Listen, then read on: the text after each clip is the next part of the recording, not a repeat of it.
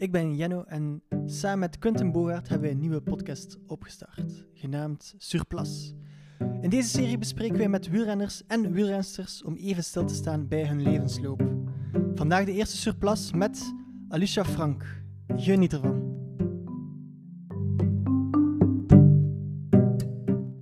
Denkt u? Ik, ik hoop van niet, maar ik vrees ervoor. Er is nu 7% gevaccineerd. Mhm. En ja, dat gaat maar niet vooruit. Terwijl dan de cijfers eigenlijk stabiel zijn of stijgen. Dus ehm, ik hoop al lang dat het voorbij gaat zijn. Ik dacht een jaar geleden dat het al lang voorbij zou zijn, maar het is niet. En ik weet ook niet wat dat Mhm. de, de korte termijn oplossing is. Dus. Weet je wanneer dat jullie gevaccineerd gaan worden? Of? Oh nee, daar is helemaal nog niet over Hmm. gesproken. Er is wel sprake om de Olympische atleten voor Tokio eh, vroeger te vaccineren, maar ja, daar ben ik niet bij. Veldrijden is niet Olympisch. Mhm. Ehm, dus nee, daar is zelfs nog niet over gesproken. Dus ik denk dat wij gewoon zullen gevaccineerd worden met alle andere 20 tot 30 jaar. Dus Wacht, hè. vijf- 2025 misschien.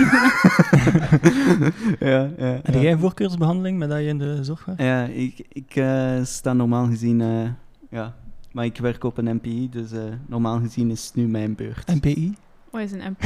Medisch Pedagogisch Instituut. Ah, oké, ja. Eh, Dus jij moet binnenkort dan... eh, Ja, eh, onze opvoeders en onze therapeuten, die zijn eh, nu... eh, wat heel raar is, want leerkrachten komen eigenlijk evenveel in contact Ja. met die kinderen. Eh, maar eh, ja, ik vermoed dat binnen dit en een maand dat wel mijn beurt Mhm. zal zijn. ja. Nice. Het is eigenlijk een beetje beangstigend, want ik heb nog niemand tegengekomen die daar niet ziek van is geweest. Ah, echt waar? Ja, is die ja. versie van AstraZeneca zeker. Maar ook met Pfizer en zo. Ja, ook van... Ja, ja, ja. Echt van eh, verschillende. Daar heb ik een beetje schrik voor om gevaccineerd te worden als atleet. Allee, ik vind wel dat we ons moeten laten vaccineren voor ja, de algemene gezondheid. Maar ja, als je tijdstip niet kunt kiezen en als dat bij mij dan valt net voor een belangrijke wedstrijd en inderdaad, ik ben daar Mhm. ziek van, dan is dat wel vervelend. Terwijl ik in een rustperiode, als ik mij dan zou kunnen laten vaccineren en ik ben daar een week ziek van, is dat helemaal geen probleem, want dan Mhm. heb ik tijd om te rusten. Dus dat is wel... Ja, een week ziek, eh, dat heb ik nu nog niet gehoord. Maar wel zo één, twee dagen koorts, eh, ja, pijn. Ja, maar als je twee dagen koorts hebt als renner, zeg je tien dagen slecht, hè. Dus dat is niet... Kan ik mij voorstellen. Dat je- je... Druk een keer play. Wacht. Ja. Zijn je nu bezig met een rustperiode? Ik heb die net gehad. Ik ben nu stil, eh, stil en terug aan het actief worden. En wat dat zeggen? Actief worden? Eh, dat ik een keer rustig ga fietsen, dat ik een keer rustig ga lopen, dat ik terug core stability doe. Dus eigenlijk eh, vooral het lichaam terug wakker maken, maar nog niet echt trainen met het doel van heel moe thuis te komen of met bepaalde Mhm. wattages of zo. Het is eerder gewoon eh, er terug een beetje naar wennen aan het ritme. Het gevoel. Ja. Alright. Dat is eigenlijk al super interessante content. Ik ben namelijk ook al aan het opnemen. Echt? Ja. Oké, geen intro, Janno. Nee, geen intro. Oké, super. Eh Quinten, was hij ons aan het serveren? Ik ben ondertussen eh, de gin aan het eh, uitschenken. Gin, Ja, Nona gin. non-alcoholische gin. Ja, zeker. Moeten Alicia soigneren en niet zat voeren. Als ze zegt dat ze nu terug haar moet focussen. Alicia, als we terugkijken naar dit seizoen, wat was voor u, voor u zelf het beste moment afgelopen seizoen? Je hebt veel goede momenten gehad. Ik heb u veel gezien op tv. Ik heb u veel gezien eh, in de frontlinie. Wat is nu voor jou het eh, beste moment? Ehm, ik denk aan Zolder. Daar eh, werd ik, ik denk, achtste of zo. Dus niet direct het resultaat wat bij het grote publiek meest in het oog springt. Maar Mhm. voor mij was dat wel een belangrijke, omdat dat een parcours is wat ik in het verleden niet goed kon, omdat het zo snel was. Ehm, waar dat ik nu eigenlijk een goede start had. Direct mee in de achtervolgende groep. Dan eigenlijk nog bijna teruggekomen. In de eerste ronde heb ik zelfs eigenlijk allee, voor het eerst de kop durven nemen. Ehm, misschien iets te vroeg dan mijn plaats laat, ja, afgestaan. Maar toch is dat, dat zijn gewoon wedstrijdsituaties waar dat ik nog nooit had ingezeten. En als ik dan zie op hoe weinig seconden eh, dat ik en dan mijn groepje kan finishen ehm, achter dan ja, eigenlijk de wereldtop, want Lucinda Brandt was daar, Alvarado was daar, Mhm. ehm, nog andere. Dus dat was voor mij wel ehm, een wedstrijd waar ik echt het gevoel had van ja, de, de top is binnen handbereik. En ehm, dat gevoel is niet altijd het resultaat, maar dat is wel iets wat dan bij mij blijven blijft. Mhm. Eerlijk gezegd, dat gaat misschien ja, toevallig klinken, maar eh, op weg naar hier zei ik tegen Jenno van... Het moment dat Alicia het meeste indruk op mij maakte, dat was Solder, die achtste plaats. Vooral dat er het terugkomen op dat groepje met, eh, dat je zegt, Brand, Alvarado. Ja. Eh, en, en dat was eigenlijk een vrij grote groep, maar je kwam toch terug eh, en dat toonde mentale weerbaarheid. En, en dat was wel knap. En oké, eh, was dan maar, ja, ik dacht in de voorlaatste ronde dat jullie kwamen aansluiten, definitief. En dan een nieuwe versnelling van Brand, als ja, ik daar, niet daar reden zij een finale ronde Ja. en dan ja, waren we er eigenlijk net niet bij. Maar op zich is dat jammer, maar dat is ook niet jammer, want dat is gewoon ook hoe dat we de, de waardeverhoudingen liggen. Maar het is vooral dat gevoel van te kunnen meekoersen. ehm, ja, dat heel motiverend is. Dat soms motiverender is als een overwinning tegen minder kwalitatief deelnemers. Wel ja, dat vond ik ook, want als je dan op eh, ja, die wielersites naar je uitslagen kijkt, dan merk je wel van, ja, na die achtste plaats in Zolder waren er wel veel betere ereplaatsen dan, eh, dan daarvoor. Want je zat in zo'n periode dat je zo twintigste en zo finishte. Dat klopt. Ik was Ja. niet zo goed aan het seizoen begonnen. Ik ben ook in september nog ziek geworden en denk dat ik dat lang heb meegesleept. Ik heb dan ook eh, eind oktober, begin november van trainer veranderd. Dus dat zijn allemaal dingen die niet ideaal zijn in het seizoen. En ik denk inderdaad tegen de periode eind december en zolder dat ik terug eindelijk mijn ritme had gevonden en het goed gevoel terugvind. En ehm, ja, door een wedstrijd als zolder te rijden heeft, brengt ook wel het mentale eh, de mentale opkikker om toch ja, meer in mezelf te geloven en te durven meekoersen, omdat ik dan ook wel leer van als ik mee ben, val ik niet stil. Terwijl dat, dat iets is waar dat ik dan vroeger soms al te vroeg aan dacht van ja, ga, ik- ga ik mezelf niet overdoen in de start. Mhm. Ehm, ja, dus het is een beetje een kettingreactie van verschillende... Ja, wel. Ja, ik denk het enige, ja, de enige top 20 plaats daar vlak achter, dat was eh, de wedstrijd erachter dan Dendermonde. Maar dat is dan misschien eerder eh, door de wedstrijdomstandigheden. Ik ben nooit echt een veldloper geweest en ik was in Dendermonde ook dat, was, eh, dat was voor mij ook allee, makkelijk te relativeren en achter mij te laten. Want allee, ja, dat, tot de knieën in de modder, allee, als het daar een veldloop was en voor een atletiek, dan lassen ze de af omdat het slecht ligt. En wij moeten er dan wel door Mhm. fietsen. Dus je En, vond het allee, eigenlijk niet kunnen dat zo'n wedstrijd doorging op... Goh, eh, ja, ik vind het wel kunnen, gewoon voor die organisatie en omdat het voor het publiek wel aantrekkelijk was. Ehm, ook in een covid-seizoen zijn er al veel afgelastingen, dus ik, allee, het was ook wel veilig om de wedstrijd te houden. Het is Mhm. niet dat we als renner eh, gevaar liepen. Ehm, er waren ook geen bomen of zo, parcours en die schuine kant, want, want die hebben ze dan bij de mannen eruit Ja, gehaald. die was niet per se gevaarlijk, maar dat was gewoon, dat zand was niet aangedrukt in een berg, was nog nieuw en dan ligt dat zand ja, te los. En als het dan regent, ja, dan zakt je daar heel diep in. Dus dat was gewoon niet te fietsen of niet te lopen. Als je de verkeerde Mhm. kant liep, dan... Ik was echt letterlijk tot mijn knieën in de modder. Je zegt dat vaak zo bij wijze van spreken, maar dat was dat echt... is letterlijk zo. En ehm, dus ja, ik vond dat sportief geen heel eerlijke wedstrijd. Ehm, ik denk dat degenen die daar van goed van voorreden, dat die gewoon het meeste vermogen halen, maar daarom niet de beste crosser zijn. En ehm, is dat een ramp? Nee, dat is maar Hmm. één wedstrijd op een jaar. Dus ik lig er niet van wakker, maar het zou er zo geen team moeten zijn. Nee, kan ik duidelijk. begrijpen. Ja, sowieso. Wa- Want ja, daarna komen dan wel die betere plaatsen terecht. Ik kan me een wedstrijd herinneren dat je Honsinger hebt geklopt in de sprint voor de derde plek. Ja, inderdaad, in Bredene. Mhm. Daar, eh, daar had ik een heel goede dag. Dat is ook zo'n voorbeeld van een wedstrijd van als ik goed kan starten en mijn ritme vind, dan kan ik dat ook volhouden. En ja, in Bredene kwam er wel de stress van de finale bij, waar dat ik dan een foutje maak en val. Maar uiteindelijk kan ik mij dan Mhm. ook wel herstellen. En eh nog jumpen in de sprint is, allee, eind goed al goed, laten Ja. we zeggen. En is dat dan stress omdat je dan plots beseft van oei, of ja, ik zit hier in de, eh, in de kopgroep? Of, ja, eh, omdat ik besefte dat het om podium ging. Ja, en ja, uiteindelijk, ja, daar moeten we niet anders over doen. Het is tv-minuten en Mhm. tv-podia waar dat om draait. Dus ja, Nee, eigenlijk in de stress om te willen behouden, verspeel ik het bijna. Maar dat is ook een leerproces en dat is gewoon ook een toffe ervaring. Sowieso. Ehm, wat mij ook opviel, iedereen heeft jouw val wel gezien op het WK. Eh je was ook mooi vooraan eh, op dat moment. Ehm, maar wat ik me nu eigenlijk afvraag, hoe, hoe, hoe, hoe verliep het eigenlijk na de finish? Je kwam dan toe van de finish, wat heb je dan gedaan? Want het was toch zo'n lelijke val. Ik denk, Ja, niets. En dat is een beetje het probleem. En dat is waarom dat ik denk dat ik ook de week daarna niet Mhm. goed was. Ehm, ik heb wel degelijk een hersenschudding opgelopen in die val, maar op dat moment wist ik dat ook niet. Dus ik kwam aan en ik was eigenlijk vooral verkleumd van de kou, want Mhm. het was, we waren heel nat daar ook van aan de zee te rijden. Ja. En er was wind, dus dat was gewoon super kou. En ehm, direct daarna was ik uitgeloot voor dopingcontrole en ik kreeg toen ook niet de toelating om mij eerst in eh, de kamper te gaan omkleden. Holy shit. Dus ik moest ook in mijn eh, natte, koude kleren mee eh, naar ja, het hotel dicht bij de finish waar dat ze de dopingcontrole uitvoerden. Maar natuurlijk, ja, ik was daar niet op voorzien. Er was ook niet genoeg kleren Mhm. aan de start-finish bij de verzorger van federatie.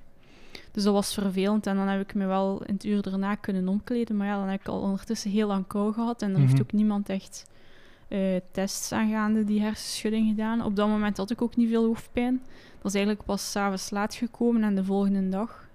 En dan ben ik eigenlijk naar de ploegdokter gegaan en die heeft dat vastgesteld. En vanaf dan heb ik ja, de komende dagen daarna heel veel gerust in het donker gelegen. Ja, de, Mhm, mhm. de gewone verzorging. Ehm, dus ja, ik ben blij dat we dat ontdekt hebben, maar dat was wel eigenlijk ja, een heel vervelende avond. Gewoon omdat ik niet de rust kon hebben die ik moest hebben. En Ja. zeker niet in de uren erna, wanneer dat eigenlijk toch wel het belangrijkste is. Dus Mhm. ja, er, Maar we zien nu ook vaak in eh, Parijs-Nice en Terreno Adriatico. Ik denk dat er nu al vier renners eh, uit de wedstrijd zijn genomen omdat ze op hun hoofd zijn gevallen. Ja, ja, wel, ik wou het juist zeggen, in andere sporten, in het voetbal, zijn ze daar heel hard mee bezig met die vierde wissel voor Mhm. hoofdblessures. Eh, er wordt daar heel hard naar gekeken. Hoe zit dat eigenlijk bij het veldrijden? Is er daar effectief, u, uw ploegdokter, is die aanwezig tijdens wedstrijden om zo'n Ehm, beslissing De te kunnen ploegdochter nemen? is niet aanwezig op de wedstrijd. Ik heb die na de wedstrijd gehoord en hij heeft dan ook gezegd van ja, kom maar langs, we gaan nakijken. Ehm, er was op het WK wel een dokter van de federatie aanwezig, maar die heeft daar op dat moment ook niet bij stilgestaan. Misschien was dat ook niet de eerste gedachte die bij hen opkwam, omdat ik wel de wedstrijd heb uitgereden. Ehm, en ik voelde zelf wel dat ik niet meer super geconcentreerd was, maar dat kan natuurlijk alleen door veel oorzaken zijn, want met WK komt er ook veel stress bij kijken. Dus ehm, ja, ik denk dat eh, als iemand duidelijk een hersenschudding heeft, dat er wel voldoende aandacht aan geschonken wordt, maar dat meer bij de lichte hersenschuddingen en de twijfelgevallen ehm, ja, Ja, te als rap je- over het hoofd gezien wordt. Als je echt gedesoriënteerd bent op het parcours, gaan ze je er wel uithalen. Maar eh, Ja, ik denk dat, eh, dat er niet aan gedacht werd omdat ik wel heb uitgereden. Maar ja, in Mhm. hersenschuddingen zijn ook verschillende gradaties. En ik had een lichte hersenschudding, maar die moet ook verzorgd worden. wat ik mij eigenlijk afvraag, eh, ja, een beetje technisch misschien, maar je hebt zo bepaalde fietshelmen die een hersenschuddingen en hersenbeschadiging voorkomen. Rijden jullie daarmee rond? Ja, ik denk dat je MIPS bedoelt. Ja, ja, MIPS. Ehm, ja, op het WK reden we met de helmen van de federatie en die hebben inderdaad MIPS. En MIPS helpt er wel bij bij een schok, maar ik denk dat... ehm, Shock Eh, zo hard was. Ja, ik denk dat dat gaat altijd een deel van, van de impact opvangen, hè, maar dat kan Hm. nooit volgens mij volledig voorkomen. En ik heb ook eh, tijdens de val, allee, of met het vallen, ben ik onder mijn fiets terechtgekomen. Dus ik heb heel hard mijn pedaal op mijn slaap gekregen. Daar zit geen helm. Ja. Dus ja, waarvan komt die hersenschudding juist? Je kunt dat niet, niet terugtraceren, maar dat zal ook wel eh, een deel van de impact geweest zijn. Ja, is dat echt gewoon ongelukkig vallen, hè. Ja, het is inderdaad het is gewoon pech eigenlijk. eh, want normaal in het zand allee, wordt er niet hard gevallen. Ehm, maar natuurlijk, ja, aan de fiets is wel hard. Mhm. Heeft dat jouw wedstrijd nadien beïnvloed? Mentaal gezien? Ehm, ik weet het niet. Ehm, ik moet een keer denken. Ik denk wel dat ik daarna minder soms alert was in wedstrijden. Of dat mijn reactievermogen. ehm, ik, heb toen een week rust genomen en fysiek is dat wel genoeg om ervan hersteld te zijn. Maar ik denk soms, als ik dan in de wedstrijd erna viel en er was niks erg, dat mij dat toch een paar seconden meer kostte om terug op mijn fiets vertrokken te geraken worden. En natuurlijk, Mhm. ik kan dan niet bewijzen dat dat daaraan ligt, maar soms had ik zo wel het gevoel van, allee, mijn hoofd wil een actie doen of mijn hoofd wil reageren en mijn lichaam en mijn handelingen volgen niet. Dat is raar. Eh, ja, dat is een raar gevoel. Ehm, maar ja, ik maak er mij ook geen te grote zorgen over. Het was een lichte hersenschudding, dat gaat Ja. volgens mij gewoon met tijd wel voorbij. En Natuurlijk. eh, wa- waren de, allee, was dat gevoel ook nog aanwezig tijdens de laatste wedstrijden van het seizoen, of is dat dan weggeëpt? Ehm, ik heb het de laatste keer bewust gehad in Eeklo. Oké, Ehm, dus de voorlaatste ja, wedstrijd toch Dan nog. nog wel, ja. Hm. Ehm, en die val in de WK, eh weten ook dat je twee jaar geleden ehm, ook eh, zeer wel, heel wat pech hebt gehad. Ehm, Ja, hoe ga je eigenlijk om met die weerbaarheid, met, dat met het mentale? Heb je een mental coach? Ehm, wie, wie helpt je daarbij? Hoe doe je dat allemaal Goh, op jezelf? Ehm, ja, ik denk allemaal op mezelf dat dat veel gezegd is. Ja, ik denk eh, kort omringd door familie en vrienden die, Mhm. die het goed met mij menen en waar dat ik ook wel eh, mee kan praten en die mij steunen als het moeilijk gaat. Maar ik heb geen mental coach. Ik voel mij daar eigenlijk, ja, ik voel mij goed bij hoe dat nu is en ik kan daar eh, tot nu toe zelf wel mee omgaan. Ehm, de gedachte die mij vaak heeft gesterkt in het verleden eh, met die blessures, eh, is vooral dat ik, als ik ooit zou stoppen met crossen, dat ik dat wil doen ehm, op het moment dat ik het zelf beslis en dat ook wil af, afsluiten in schoonheid. En dat was eigenlijk wat, wat mij altijd heeft gaande gehouden op momenten dat echt, zoals toen mijn been brak, Mhm. ehm, soms kantje boord was om, om te blijven verder doen. Dat ik altijd wel eh, mezelf heb voorgenomen van ik kom terug en we zien wel hoe dat gaat als ik terug 100% ben en dan zal ik wel beslissen Mhm. ehm, of dat ik er alles voor blijf doen of niet. En ja, als ik dan zie hoe dat nu uitdraait, dan ben ik heel blij dat ik dat ook altijd gedaan heb. Dat toont wel mentale weerbaarheid. Ja, ja, en- wel. En Ik kan me wel voorstellen dat je als je ja, je zelf ook sterk zijn hè, eh, om, dat, om dat te kunnen doen. En dan, eh, ja, dan vraag ik mij af, is dat een deel van je opvoeding? Of is dat, denk je dat iets gewoon zelf in u zit? Goh, ik denk dat dat vooral eh, geloof in jezelf is. En ook iets heel graag met heel veel passie doen. Ehm, ja, koersen is het liefste wat ik doe. En ik heb daar ja, al heel veel jaren aan gewijd. En dan wil ik er ook uithalen wat erin zit. En dan wil ik niet op eh, een negatieve manier dat moeten afsluiten en, en bitter worden. Ehm, ik rij zo graag met de fiets dat ik ook ja, van mezelf wil kunnen zeggen achteraf, ik heb er alles voor gedaan. En ehm, ja, dat is nu nog niet klaar. Je zegt het is nog niet klaar. Eh, hoe ziet de toekomst eruit voor u?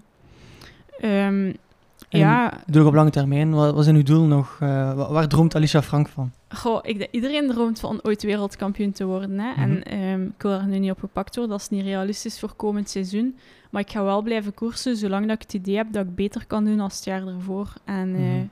nu, zeker met mijn nieuwe trainer, heb ik een heel aantal nieuwe facetten waar dat ik denk dat ik nog progressie kan maken. Mhm. En die wil ik eerst wel allemaal uittypen, om dan te zien waar dat ik sta. Maar eh, het, is, ja, het is niet dat ik tevreden ben met het niveau dat ik nu heb. Het afgelopen seizoen was goed, maar het volgende seizoen dan moet wel een stuk beter. Mhm. En dat kan ook.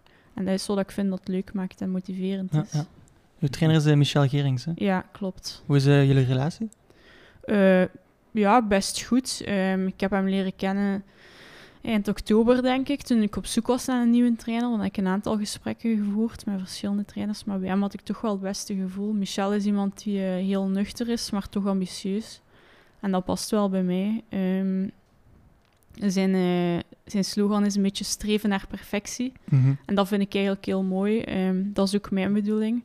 We doen het zo goed mogelijk. En ehm, ik focus meer op de uitvoering dan op het resultaat. Dus als ik een wedstrijd rijd, dan begin ik niet eraan met het idee van ik wil een bepaalde plaats behalen. Maar dan wil ik gewoon eh, het zo goed mogelijk doen. Dan wil ik afstappen en merken dat ik er alles heb uitgehaald. Dan neem ik mij een aantal dingen voor. Van bijvoorbeeld goed starten of eh, een goede laatste ronde. Of echt eh, haalbare doelen. En Mhm. dan komt al de Ja. rest wel. En dat vind ik eigenlijk een leuke manier, omdat je daardoor jezelf ontwikkelt en niet ehm, ja, jezelf teleurstelt als, Ja. als het resultaat tegenvalt. Ja. Want het Ja. resultaat hangt van veel meer af. Ja, ja, dat is waar. Maar dat is wel niet hoe dat grote publiek daarnaar kijkt. Voelt je dan die druk niet van ja, mensen langs de kant of van de ploeg of zo? Ja, natuurlijk wel. Hè. Ehm, iedereen kijkt naar tv en ze zeggen, oh, vandaag tiende, goed gereden. Oh, gisteren vijftiende, slecht gereden. Maar zo, zo is het niet altijd. Er is, er is meer eh, aan de cross dan wat dat er op tv te zien is. En ehm, dan moet ik dat ook naast mij neerleggen. M- mensen kunnen ook alleen maar ehm, commentaar geven volgens de informatie die ze hebben. Hè. Dus ik neem dan niemand kwalijk, maar dat... dat ehm, ik weet ook zelf dat ik daar maar een beperkt belang aan, aan moet hechten. En dat het veel belangrijker is hoe dat ik zelf vind dat ik het gedaan heb. En wat dat de data zeggen en wat dat mijn trainer en, en inderdaad de ploeg vindt. Want de ploeg is nu altijd mijn werkneem, werkgever. Dus als zij tevreden zijn, dan, dan Dat is ik ook. Ja, beetje focus op, eh, op het proces zelf in plaats van het resultaat. En dan... Ja, ja, en daar voel ik mij wel heel goed bij. Dat is een manier van, Mm. van denken die ook Michel mij een deel heeft bijgebracht. En Ehm, dat is heel fijn. Wel, dat wil ik vragen, eh, bij uw vorige trainers en zo, werkt je ook al op die manier? Of is dat echt pas met Goh, Michel dat is natuurlijk een geleidelijk proces en ik denk, ik, denk, ik denk daar zelf ook wel, wel over. Dus ehm, je kunt niet altijd zo zwart-wit denken van die trainer deed dat wel en die trainer niet. Maar ehm, het is meer het algemene plaatje, denk ik, en de filosofie waar dat ik me nu echt wel in gesteund en op mijn plaats voel dan, dan de vorige trainer dat helemaal niet had. Eh, dat is soms moeilijk om, om echt trainers in een bepaalde categorie te steken. mhm. Snap ik. Alicia, ehm, zeg Doe maar. Doe Oké, maar, zeg maar de volgende. misschien een vraag dat je al veel hebt gehoord. Maar waar is het allemaal begonnen? ja, ehm, het is begonnen met ehm, sporadisch eens te gaan mountainbiken met mijn papa. Mhm. Ehm, ja, Ik, ik herinner mij nog eh dat je Mont Ventoux opereert. Op Ja. jonge leeftijd. ja, inderdaad. Ehm, met een mountainbike zelfs. Met een mee. Ik had maar één fiets. Dat was de fiets die ik gekregen had voor mijn plechtige communie. Ehm, Specialist. ja, nu weet het. Janu en ik zijn jeugdvrienden en Ja, ehm, we hebben er genoeg mee rondgekrost samen. sowieso. Ja. eh, rond Le Christi. Goddelijk Christi. En wie was op dat moment de beste eigenlijk? ik Kon je hem toen al kloppen? Of? Ik weet, dat, ik weet het niet meer zo. Ik denk wel dat Janu wel op dat moment eh, fysiek sterker was dan ik. Tja, Maar, dat, eh, Kan mij echt was dat ook al de periode dat jij triathlon deed, Jenno? Dat is Eh, iets later, maar iets ik weet later. wel dat we nog een keer samen een duathlon hebben gedaan ook. Juist, een, ja, Eh. een duo duathlon. Ja, Iemand lopen, ja. iemand fietsen. Echt? Ehm, En wie, Ja, we waren derde geworden, denk ik. Het was, eh, ja, we hadden een wel een podium, denk ik. Ja, Ja. dat was wel... eh, en dat was voor eh, mixed couples. dus, ja, ja. ja. ik denk dat. Ik weet al zelfs niet meer wanneer. Een woensdagnamiddag of zo waarschijnlijk, of een zaterdag. Eh, Long time. Ik weet nog dat je ja, toen reed voor No Drugs team. ja, inderdaad. Toen, eh, toen deed Ja. ik al competitie mountainbike. Maar, Dus- Mike, vertel misschien eens over de, de, de wissel van mountainbike naar veldrijden. Hoe dat, dat kan eh, verlopen. Ja, dat is eigenlijk gewoon kei toevallig gekomen. Ik was mountainbiker en ik was daar best tevreden mee. En ehm, ik zat ook niet direct met iets anders in mijn hoofd. Tot dan, ja, ik weet zelfs niet meer wie, plotseling een keer iemand zei van... Allee, waarom ga je niet een keer crossen in de winter in plaats van gewoon te trainen in de winter? En ik, dacht, ik lachte daar in het begin zelfs mee. Ik had geen idee wat, wat ik in het veld moest gaan zoeken. Ehm, maar de toenmalige fietswinkel die mij toen ondersteunde, eh, had dat gehoord. En die zeiden dan wel van... Ah, wij zouden dat wel tof vinden als je cross. Dat komt op tv. eh, we geven wel korting op een fiets. En ah ja, ja, zo gezegd, zo gedaan. Een week later, crossfiets. Eh, twee keer mee gefietst. Dat weekend erop. Oh, wa- waar is er hier een wedstrijd in de buurt? ik was helemaal niet in vorm, want het was, het was Mhm. winter. Dus op dat, dat is geen seizoen voor mountainbikers. Maar ja, voor het plezier deed ik dan mee eh, aan de Rapencross in Lokeren. Dicht bij huis. Weet je nog hoeveelste Ehm, dag zij eindigde? Ja, ik won. Allee, de toon was gezet. En eh, dan dacht ik van ja, ofwel stop ik nu en trek ik mij eh, ongeslagen terug uit de veldritsport. Ofwel Dus- ga ik toch nog eens zo een hoger niveau proberen. En Het is het tweede geworden. Het zijn dan eigenlijk zo eerder boxgedachten, zo Mayweather-achtig. zoveel wedstrijden Ja. gekampt, zoveel Ah, ja, ja. Nooit gewonnen. verloren. ja, Maar dat klinkt toch goed. Ja. het klinkt inderdaad goed. En wanneer heb je dan definitief afscheid genomen van een mountainbiken? Wanneer Ehm, was dat moment? Toen dat ik... ehm, ja, het is geen definitief afscheid. Ehm, maar ik ben dan wel gestopt met mountainbiken toen dat ik het seizoen erop bij eh Jurgen Mettepenning. Dat was toen Marlux Napoleon Games. Ondertussen de Paul Sauze ploeg. Ja. Ehm, toen ik daar tekende, zeiden ze dat het beter was voor mijn ontwikkeling om in de zomer eh, wedstrijden op de weg te rijden. En het mountainbiken langs de kant te laten. Zo gezegd, zo gedaan. Ehm, en dan ehm, heb ik dus een aantal jaar niet gemountainbiked. Dan ging ik naar een andere ploeg. Daar was eigenlijk het, allee, een beetje dezelfde filosofie. Ehm, maar nu kom ik bij Proximus terecht. En eh, is dat wel terug toegelaten. En mijn huidige trainer gelooft ook echt dat mountainbiken mij wel vooruit kan helpen. En ook dat ik het potentieel heb om, Hmm. om daar resultaten te rijden. Dus het is wel de bedoeling om deze zomer te mountainbiken na eh, een aantal jaar terug op te pikken. Primeur op deze podcast. ja, ik ben, eh, kijk er heel hard naar uit. Alright. En eh, gaat je een, een, een heel seizoen rijden? Of, of... Nee, het zal geen vol programma worden, omdat ik dat ook ga combineren met wedstrijden op de weg. Ehm, ik denk dat zoiets zal worden als één mountainbike-wedstrijd per maand ongeveer. Ah, oké. En dan ehm, willen we wel overwegen om misschien eh, een meerdaagse marathon een keer te doen. Om eigenlijk in een week waar dat er veel volume moet getraind worden. Maar het is helemaal nog niet concreet. Dus Mhm. ehm, ja, meer info daarover. Allee, zo is. Ik ik zag even al Alicia haar leven voor mij. In de, in de voormiddag trainen op de mountainbike en dan in de namiddag naar de Olympische Spelen kijken op tv. Goh, waarom niet? Ja. Het Juist, juist. kan juist. mooi zijn. En Denk- rusten, rusten moet ik toch. Dus. Ja, wel. Dat. Denk je soms van, oh, ik zou misschien dat niveau wel gehaald hebben als ik mij volledig had toegelegd op de mountainbike? Goh, Allee, Je spreekt nu in, hè. in, in, eh, in Ja, verleden ja, tijd. ja. Ik denk dat dat nog niet voorbij is. Eh, ik denk dat we het komende jaar wel gaan zien welk niveau dat ik haal in de mountainbike. Mhm. En ehm, ik denk dat we pas daarna kunnen evalueren hoe ambitieus Mhm. dat kan zijn in de toekomst. Eh, maar zeg nooit nooit. Hè. Nee, wel ja. Vier jaar. Nee, drie jaar eigenlijk, want eh, Ja, de Olympische Spelen zijn uitgesteld. Dus eh, binnen Ja. drie jaar is het al opnieuw. Ah, ja, klopt. Ehm, heb je ooit eh, vroeger tegen Gita Michiels gestreden? ja, ja, toen kon ik niet volgen. Ik ben benieuwd hoe het Hmm. nu gaat zijn. Ik verwacht nog altijd dat ze wel een stuk Ja. sterker is. Ze is echt wereldtop. Maar ik hoop dat de kloof ondertussen misschien een beetje kleiner is. Mhm. Ehm, ik ben in elk geval fysiek beter geworden, maar zij waarschijnlijk ook. Nu, ik wil mij ook niet te veel focussen op of ik nu even goed of eh, minder goed ben dan Gita Michiels. Ik moet gewoon zelf zien hoe dat gaat. En eh, dat is weer inderdaad wat ook, allee, hoe Michel nadenkt van uitgaan van eigen sterkte en niet tegen iemand koersen. Er zijn genoeg wedstrijden in heel de wereld om met meerdere kampioenen rond te rijden. Als we iets meenemen uit deze podcast, dan is het wel prestatie telt. Resultaat is, eh, Sowieso. komt Hey. Goh ja, uiteindelijk wordt als renner wel betaald voor je resultaten, maar het is niet... eh, ik vind het niet bevorderlijk voor de ontwikkeling om alleen daarop te focussen. Het is meer van hoe gaan we resultaat bereiken en niet ehm, gewoon verwachten dat het vanzelf komt als je genoeg denkt aan winnen. Mhm. En vind je dat daar in de jeugdcategorieën, want in sommige sporten zijn jeugdcategorieën heel prestatiegericht en resultaatgericht. Mhm. Vind, vind je dat je dat eh, ja, in de mountainbike-wereld en in de cyclocross-wereld en in de ja, wielrennerswereld court meevalt? Of Goh, ehm, ik denk dat dat eh, niet per se aan een bepaalde wereld ehm, ligt, maar dat dat bij de jeugdcategorieën heel hard ehm, eh, bepaald wordt door de ouders en de entourage. Er zijn ouders die heel nuchter omgaan met hun eh, jeugdrenner of sporter bij uitbreiding, en er zijn ouders die dat heel serieus nemen en niet verder kijken dan eh, een Belgische titel bij de nieuwelingen bijvoorbeeld. Dus ehm, ja, ik denk dat zeker de leeftijd uit tot de nieuwelingen bij de junioren heeft een renner vaak zelfs al meer omkadering van de ploeg en al een eigen mening. Maar vooral eigenlijk alles wat jonger is, denk ik dat het heel belangrijk is dat de ouders toch ook wel een beetje relativeren.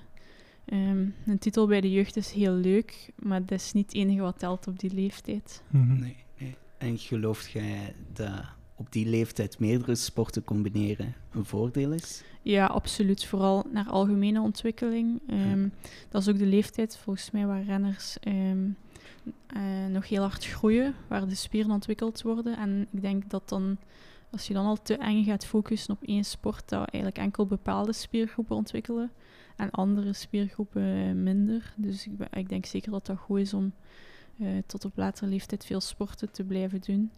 Ehm, en daarin is wielrennen ook wel eh, niet de ideale sport om alleen te doen, omdat dat geen... eh, dat is een sport zonder schokken en dat is niet zo goed voor de botdensiteit.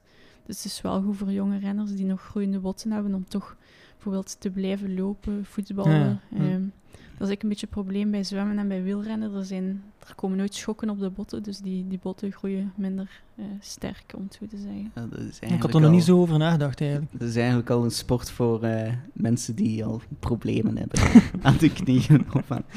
Goh, Maar ja. Nee, ik wil het zo niet zien, maar het is gewoon een lichaam groeit. En een lichaam groeit ook naar, Eh, in vorm en sterkte naar eh, de vraag die gesteld wordt. En als je een kind veel laat sporten, verschillende spiergroepen gebruikt, gaan verschillende spiergroepen ontwikkelen. Als je een kind laat lopen, waardoor dat, dat lichaam schokken opvangt, gaan die botten gewoon sterker eh, groeien.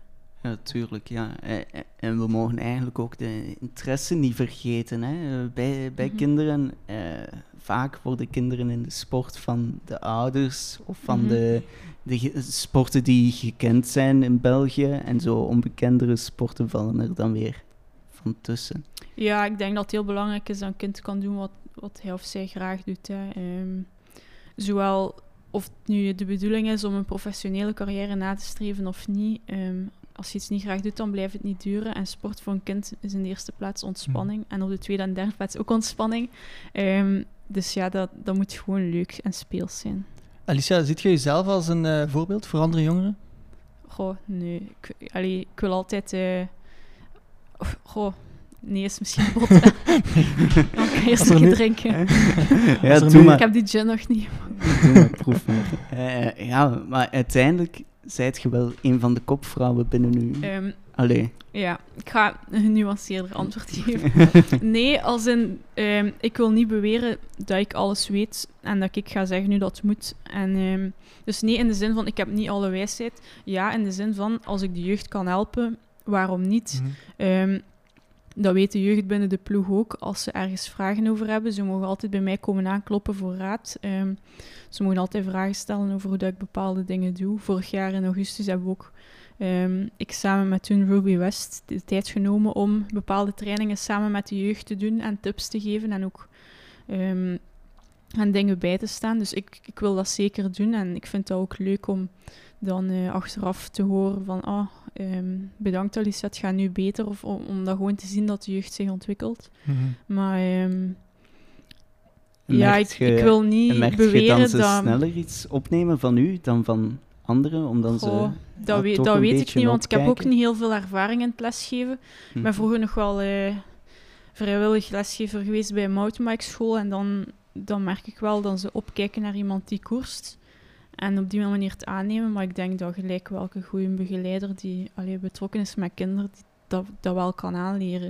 Ik denk dat het vooral belangrijk is om alles op een positieve manier te brengen. En niet te zeggen van, je doet dat slecht. Maar meer van, ik denk dat het beter kan zo en zullen we eens proberen. Dus dat dat vooral de insteek is. Ehm, Ik denk dat dat, dat dat vanuit pedagogisch perspectief inderdaad eh, de manier is om iets aan te leren aan kinderen. Zeker weten. Ehm, Alicia, ehm, waar zie je eigenlijk kansen om het vrouwenwielrennen populairder te maken? Eh, we zien toch wel een kloof met andere landen. Nederland. Ehm, ja, ik denk vooral de, de instroom. Mhm. En ook, ehm, ja, Wat kan er verbeterd worden aan die instroom? goh, ik denk dat er nu al heel veel beter is dan tien jaar geleden. Mhm. Er worden nu sportkampen georganiseerd, ook voor meisjes. Er, worden, er is meer jeugdwerking in clubs. Er is gewoon in het algemeen me- meer aandacht voor meisjes die koersen. Dus ik denk op zich dat het wel goed zit, maar dat dat, dat ook een cultureel iets is wat moet groeien. Is, ehm, mensen en ouders zijn heel lang gewoon geweest om, allee, ik ga het nu cru zeggen, de jongen te laten voetballen en het meisje op dansles te sturen. En Mhm. ik denk dat dat nu wel verandert, dat ouders eh, een breder eh, gamma aan mogelijke hobby's voor Mhm. een kind zien en daarvan laten proeven. En dan zullen er ongetwijfeld meer meisjes zijn die, eh, als ze een keer de kans krijgen, beslissen dat ze het veldrijden wel leuk vinden en daarin verder gaan. Dus ik denk vooral dat, de, dat clubs en ouders ervoor moeten openstaan en ze de kans geven en dan de meisjes zelf laten kiezen waar dat ze in verder willen. Mhm.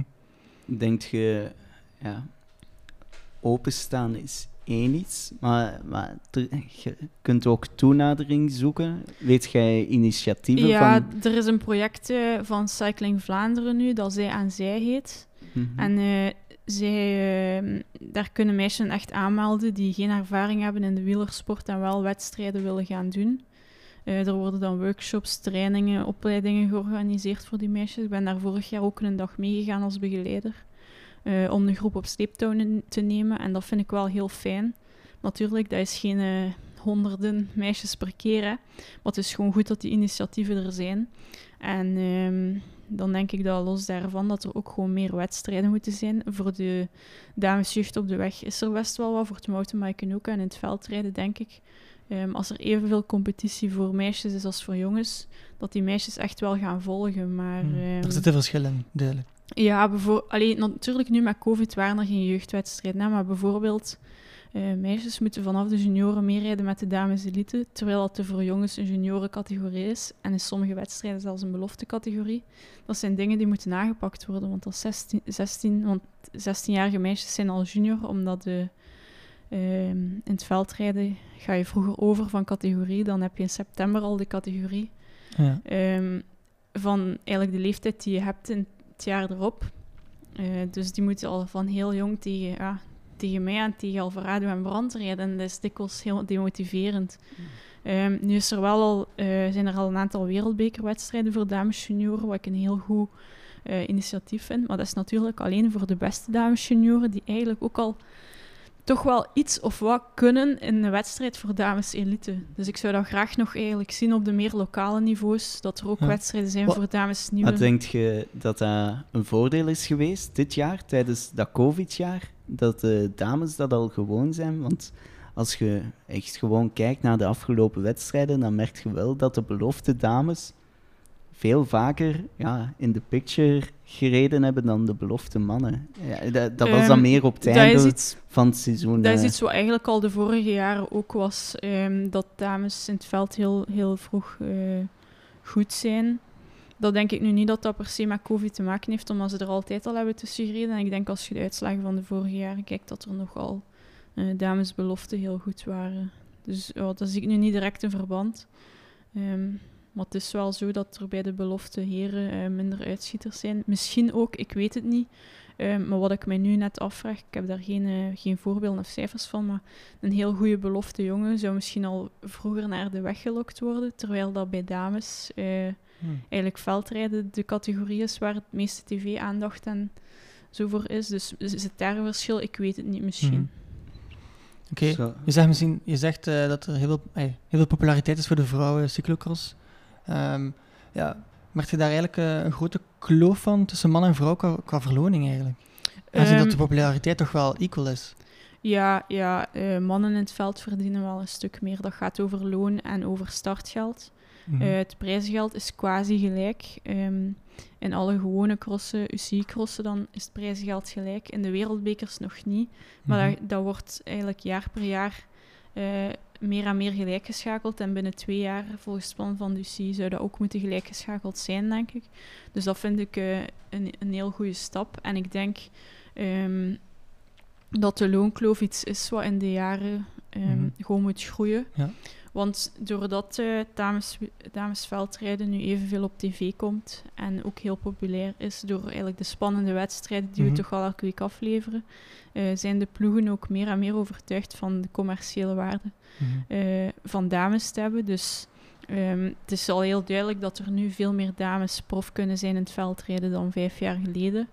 Eh, dus ik hoop over nog eens vijf jaar dat we gaan kunnen zeggen dat die loonkloof kleiner is. En ik verwacht dat ook wel, omdat eh, een dame die 50 minuten in beeld rijdt, volgens mij evenveel waard is voor een sponsor dan eh, een man. Sowieso. Ik moet ook eerlijk dus zijn, ik af- denk dat het proces gewoon nog wat tijd nodig heeft, maar ik hoop wel dat we daar naartoe gaan.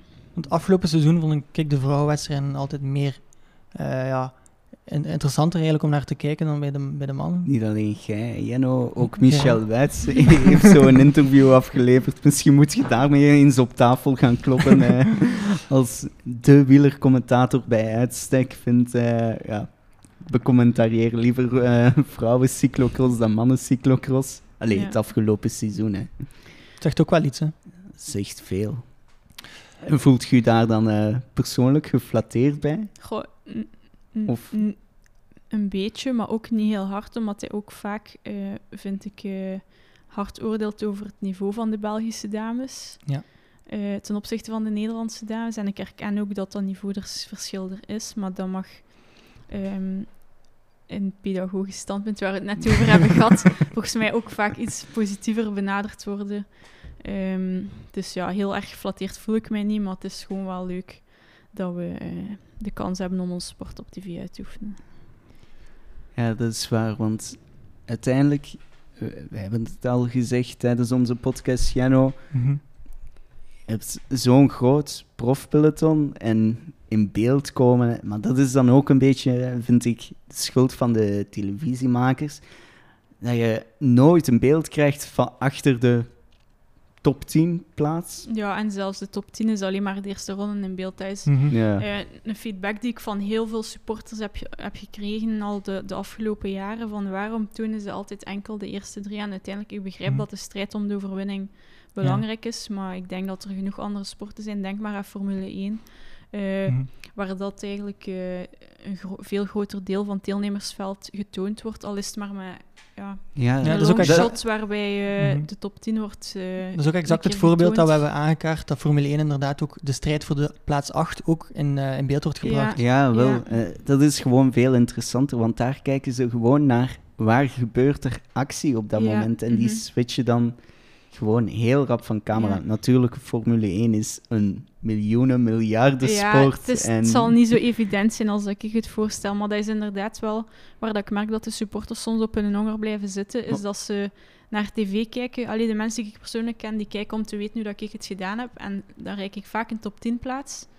Wat volgens mij niet slecht is, maar dan hebben ze het nog altijd niet gezien. En dat is heel jammer. En ook voor de ploegen is dat jammer, want op die manier eh, geven ze enkel waarden aan vijf Mhm. dames. Terwijl dat er misschien eh 20, 30 dames zijn die af en toe in een top, top 10 rijden, die af en toe in beeld kunnen komen. Dus de, ja, de koek zou eerlijker verdeeld kunnen worden, denk ik. Ja, wel. Wat ik wel een goede tussenoplossing vond, ik heb het een paar keer gezien op eh Yellow Sport. En dat is dat eh, alle renners en rensters eh, op een tijdsbalk in beeld komen. Ja. En de tijdsverschillen werden Inderdaad, dat is heel goed. En dan weet je al van, ah ja, Mhm. Eh, Maria González Blanco zit daar, eh, Alicia Frank zit daar, eh, die zit daar, Mhm. Ja, die dat zit vind ik daar. inderdaad ook... eh, En dan kan je toch al een beetje meer volgen, zeker. eh Allee, dat is een meer realistische optie, denk ik al. Als ze het nu al kunnen doen, vind ik wel dat ze dat Ja, in elke cross mogen doen. eh. mhm, inderdaad, dat is inderdaad... eh, hoe meer info voor eh, de kijker thuis, hoe beter, denk ik. Ja, wel. Ik denk dat ook. Want ik vind het enorm jammer. Jeno, jij weet dat. Jim Arnouds is een van mijn favoriete crossers.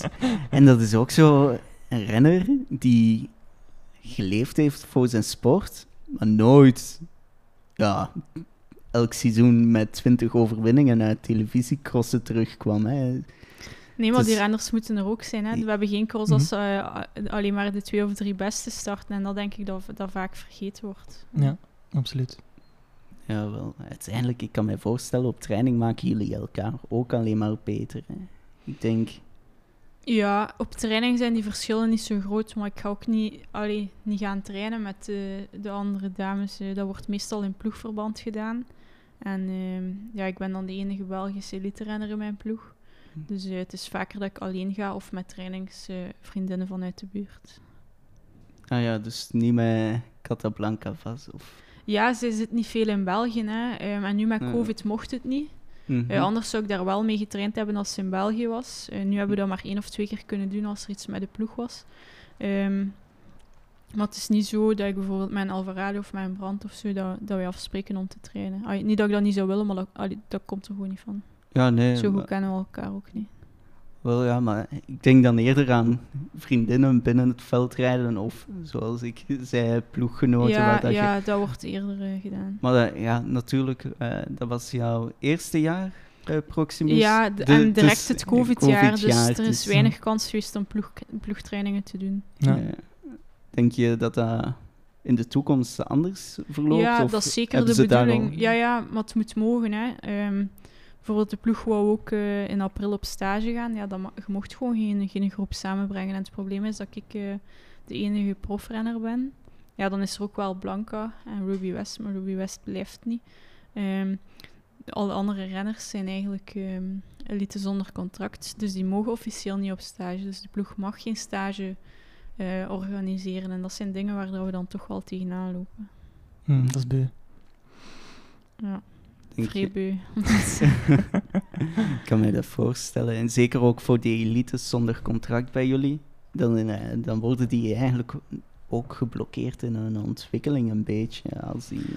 Ja, een beetje wel. Maar ja, ik ook, want ik kan nu ook niet gaan. Ja, dat, ja, is, ja. allee, dat is voor veel mensen zo. Ik denk dat de elite zonder contract blij zijn dat ze al bij onze ploeg, bij een UCI-ploeg zaten, waardoor dan ze een hele winter hebben kunnen crossen. Dus eh, het heeft zijn voor- en zijn nadeel. En ik denk dat iedereen er gewoon het beste van moet maken, want het is, eh, het is miserie overal. Mhm. Weet je al of dat volgend jaar nog zo... Bereiden ze zich voor op nog zo'n seizoen? Waarbij Eh, dat enkel elite dames en elite heren zijn? Of... Goh, dat weet ik nu niet direct hoe dat, hoe dat de ploeg daar naar kijkt. Ik denk dat ze vooral eh, afwachten nu. wat dat de berichtgeving gaat zijn en nu dat eh, de komende maanden zullen cruciaal zijn. eh, denk ik, om beslissingen te nemen over de winter. Ja, die beslissingen gaan pas later vallen. Oké, ja, dat wacht De- nog langer. je? Ja, dat weet, nee, Ah, ik, weet, ik ik weet weet het het gewoon niet. Eh, ik laat het op mij Mhm. afkomen. Het heeft weinig zin om eh, veel te plannen, omdat we het toch niet kunnen weten. Dus ik probeer nu gewoon mijn trainingsspanning af te werken. En ik zie dan wel of wat dat eh, in het buitenland kan of niet. Alright. Vrij goed, eh, Alissa. We hebben een Q&A gedaan op Instagram.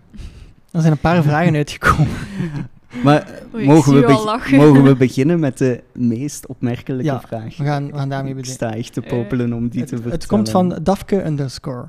Ja. Misschien doordenkertje. Wacht, mag ik hem vertellen? Ja. Ik ken hem van bij. Ik vond hem zo memorabel. Oké. Misschien een doordenkertje. Wat verkies je? Een, eh, een brownie met noten en 70% cacao chocolade of een goede koffie? Ah, maar ik weet al van wie dat komt. Hij. Dat moest gewoon van een insider zijn. Dafke is eh Daphne, verzorgster bij onze ploeg, die eh, de catering een beetje voorziet de dagen van de cross. En die heeft denk ik al misschien bijna een jaar geleden, nee dat kan niet, ik denk van afgelopen zomer, ik weet het niet meer, eh beloofd dat ze mij een koffie ging tracteren, omdat ik ergens goed had gereden. Ik weet ondertussen de wedstrijd al niet meer, maar met covid hebben we gewoon nog nooit mogen gaan. dus eh, ehm, ja, ik eet heel graag chocolade en ze, ja, ze weet 70 procent. Dat is heel zware chocolade, de, denk de ik. donkere hè. chocolade. Oh. Maar eh, ja, aangezien dat ik nu toch een beetje op mijn eten wil, wil letten, zal ik toch de koffie kiezen. Mhm. Dus Daphne, laat maar komen. Alright. Dafne En eh, wat is een goede koffie voor Alicia Frank? Want er stond in dat bericht goede goffie. Ik weet niet Eh, wat dat goede koffie is. Eh, Ja, gewoon lekker. Lekker. Ik ben niet expert, maar ik weet wel wat ik lekker vind en niet. Ehm, nee, ik drink graag cappuccino's. En als het gewoon zwart is, dan wil ik ook... Allee, ja, dan moet het goede bonen zijn. Hè, dan. Goeie boon. Niet al eh, twee dagen in een thermos zitten. of zo. Geen filterkoffie, Nee, oké. geen, geen instant ook niet. Ik heb, eh, ik heb nog een vraag van mezelf eigenlijk ook. Ik heb, ik heb ook geantwoord op mijn eigen Q&A. Even op je eigen. Eh, als je op de rollen rijdt voor een heel belangrijke wedstrijd, wat is eh, het liedje dat je misschien vaak naar luistert? Heb je zoiets? Ehm, nee. nee, Ik doe gewoon altijd met, met Spotify alles. Gewoon random. Ja, Maakt het niet uit. ja. Niet zo one song dat je... Nee, zelfs geen kei- playlist. Nee, ik word daar kei nerveus van. Ik wil gewoon mij laten verrassen. Alright. Verrassen. Dan heb ik nog een, nog een vraag. Maar wacht, mag Ja, ik daar nog even? Ja, doe is maar. er wel een genre? Nee, ook, eh, ik doe gewoon alles van alles wat ik vind ik leuk op Spotify. Alles. Dus soms is dat een kei rustig liedje en soms is dat echt Keihard. vol bak. en dat werkt allebei. Oh. Goh, ik weet niet, ik start meestal te goed, dus... Ja, misschien moeten we gewoon uw Spotify-playlist in de boxen steken tijdens een cross. ja, ik weet niet, nee. Ah, ja, misschien als iemand van de podcast een suggestie heeft, zou ik me luisteren. Ja, ik sta daarvoor open, maar ja, wel. ik heb daar eigenlijk gewoon nog nooit echt werk van gemaakt. Heb jij suggesties, Jenno? Oeh, not on the top of my, my mind, sorry. Nee? Nee. Oh ja. Hoe is het met je kat? Dat is een, eh, een vraag van Ah. Aaron Mert, Mert 1A. Aaron met 1A.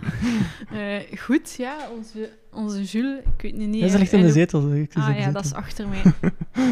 Ehm, heel goed. Hij is niet meer ontvoerd geweest de laatste weken. Was hij aan het voeren? Eh, ja, een half jaar geleden of zo was hij een keer ontvoerd. Echt? ja. Heb je losgeld moeten betalen? Nee, maar het was wel echt ruzie voor hem terug te krijgen. Hè, er dat had echt iemand... Ja, er was gewoon iemand... En mijn, maar onze kat kan buiten, hè, die heeft een luikje. Ja. Ehm, en er was iemand in de straat gewoon met een mandje gekomen en hem gepakt. What the En fuck? wij waren kei ongerust, ja.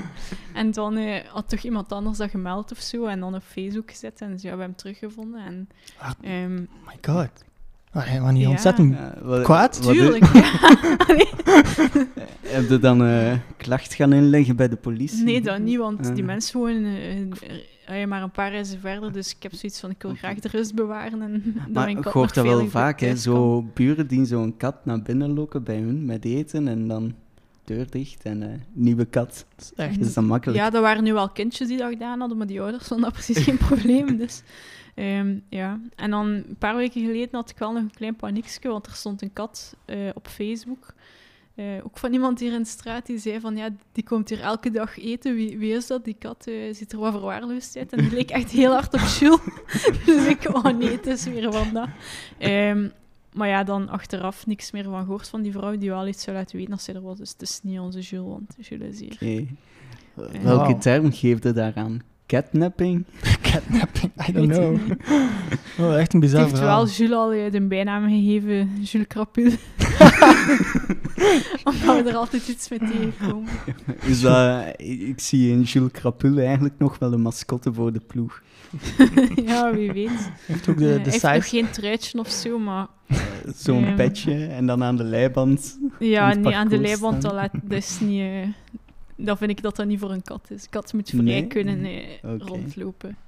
Want ja, we hebben, we hebben echt al veel tips gehad over hoe dat je een kat moet verzorgen sinds dat we bij Alicia Frank zijn. Ja, hij is wel verwend, dat moet ik toegeven. Want, eh, even, meneer heeft een eigen drinkfontein, heeft een plank, heeft, eh, ja, krijgt goed eten. Ja, maar dat is belangrijk voor de pels. Hè. Ik heb er al veel bij geleerd. eh, ja, wel. Misschien nog voor na uw carrière. Een carrière switch naar dierenarts. Is dat iets voor u? Maar het is... ge- Nee, ik wil gewoon één, één kat en die verwennen, maar... niet andere mensen een kat. Ja, De logisch. mijne is toch de mooiste. Geen catnapping, catnapping Maar toch niet volgens eh, de oude vrouw hier een paar huizen verder. Ja, maar dat, dat kan niet dat hij dat was. Mijn Jules heeft geen klitten in zijn vacht. Goed, oké, nog, nog één laatste serieuze vraag. Eh, van Darkom, Darkomar 5. Oh, ik wil Eh, nog twee vragen. Ik vind ook dat we de vraag van Jacques, onze number one fan van onze podcast, maar toch wel een van onze oudste luisteraars moeten stellen. Ehm, Oké, even terugkeren op die andere vraag. Eh, wat zijn uw grootste droomraces? Het al gezegd tijdens deze podcast 2K. Eh, heb je ze nog van die andere wedstrijden? Dat je echt wil Ehm, winnen? Goh, ik denk niet per se van, oké, dat wil ik nu winnen, maar ik kan wel zeggen, zo de wedstrijden waar dat ik heel graag rondrijd, dat is bijvoorbeeld Tabor, Hm. eh, de Koppenberg, dat zijn zo wedstrijden die ja, echt klassiekers zijn en zoiets in mij losmaken, waardoor dat ik altijd zowel zo de extra eh, beetje energie kan vinden om ja, te hopen van daar op de dag toch wel boven mezelf uit te stijgen. Hmm. Alright. En wat zijn uw realistische ambities voor volgend seizoen? Wat is zo... Ehm, ik wil een vaste waarde in de top 10 worden, terwijl dat afgelopen seizoen eigenlijk ja, de goede wedstrijden top 10 waren, om het zo te zeggen. Maar ik denk ook dat dat realistischer wordt vanzelf, omdat volgend jaar er hopelijk meer wedstrijden gaan doorgaan door COVID, waardoor dat deelnemersveld ook meer verspreid gaat worden. Eh, nu bijna elke, was bijna elke wedstrijd eigenlijk iedereen er, waardoor dat niveau altijd eigenlijk quasi wereldbeker eh, niveau was. Ehm, en ik denk andere jaren in klassementscrossen dat er al wat rapper eh, rensters ergens anders gaan rijden.